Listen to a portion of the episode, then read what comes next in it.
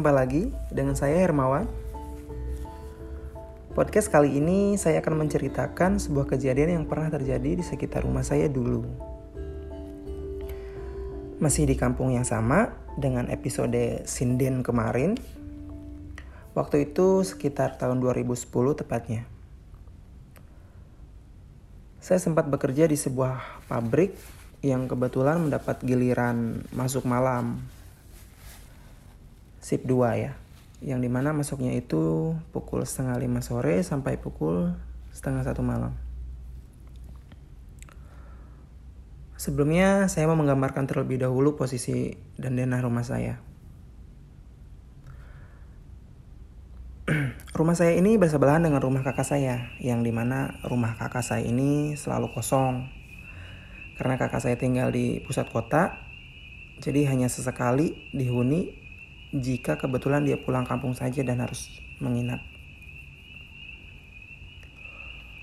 Kedua rumah ini dikelilingi oleh satu pagar tembok.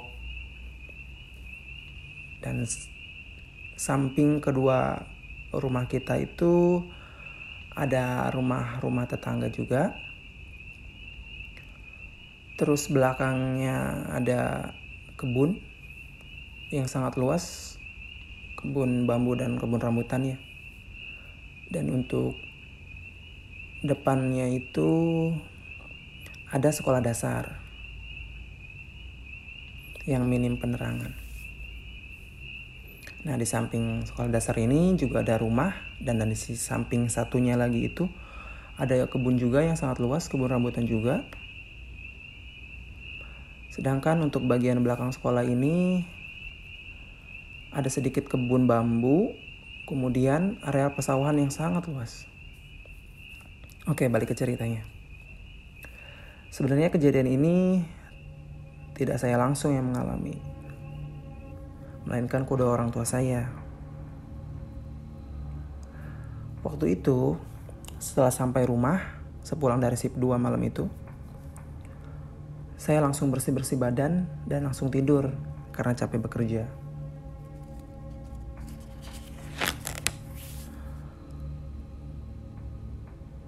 Ibu saya masih terjaga.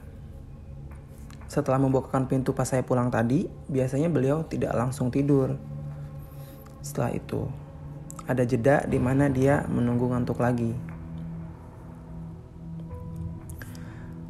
Saya pun sudah tertidur lelap. Tapi ibu saya masih belum tertidur. Nah, di saat itu, kemudian dia samar-samar mencium bau bunga. Awalnya dia tidak begitu menghiraukan bau harum ini. Tetapi kok makin lama bau ini malah makin tercium. Wangi banget katanya. Dan setelah itu dia mendengar suara wanita menangis. Karena dia ragu dengan pendengarannya itu, kemudian dia membangunkan ayah saya yang sedang tidur di sampingnya. Ayah saya agak sedikit gusar saat itu. Dan ibu ibu saya pun langsung menjelaskan.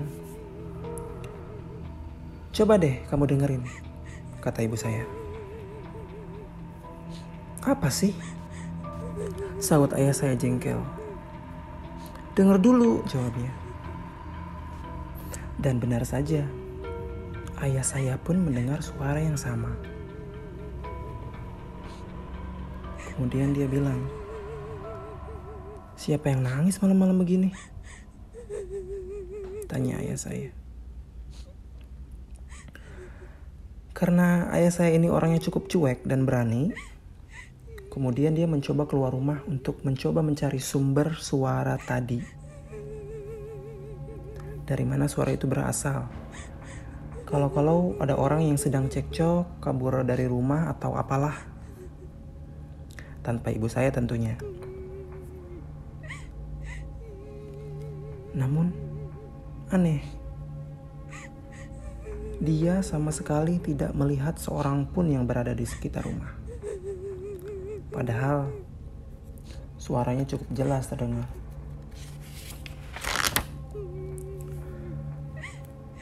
Apa suara ini dari atas atap sekolah pikirnya? Karena memang sumber suaranya tadi dari arah sana, walaupun dia tidak melihat seorang pun di sana. Kemudian, ayah saya mencoba meneriaki sumber suara tersebut untuk memastikan. Oi!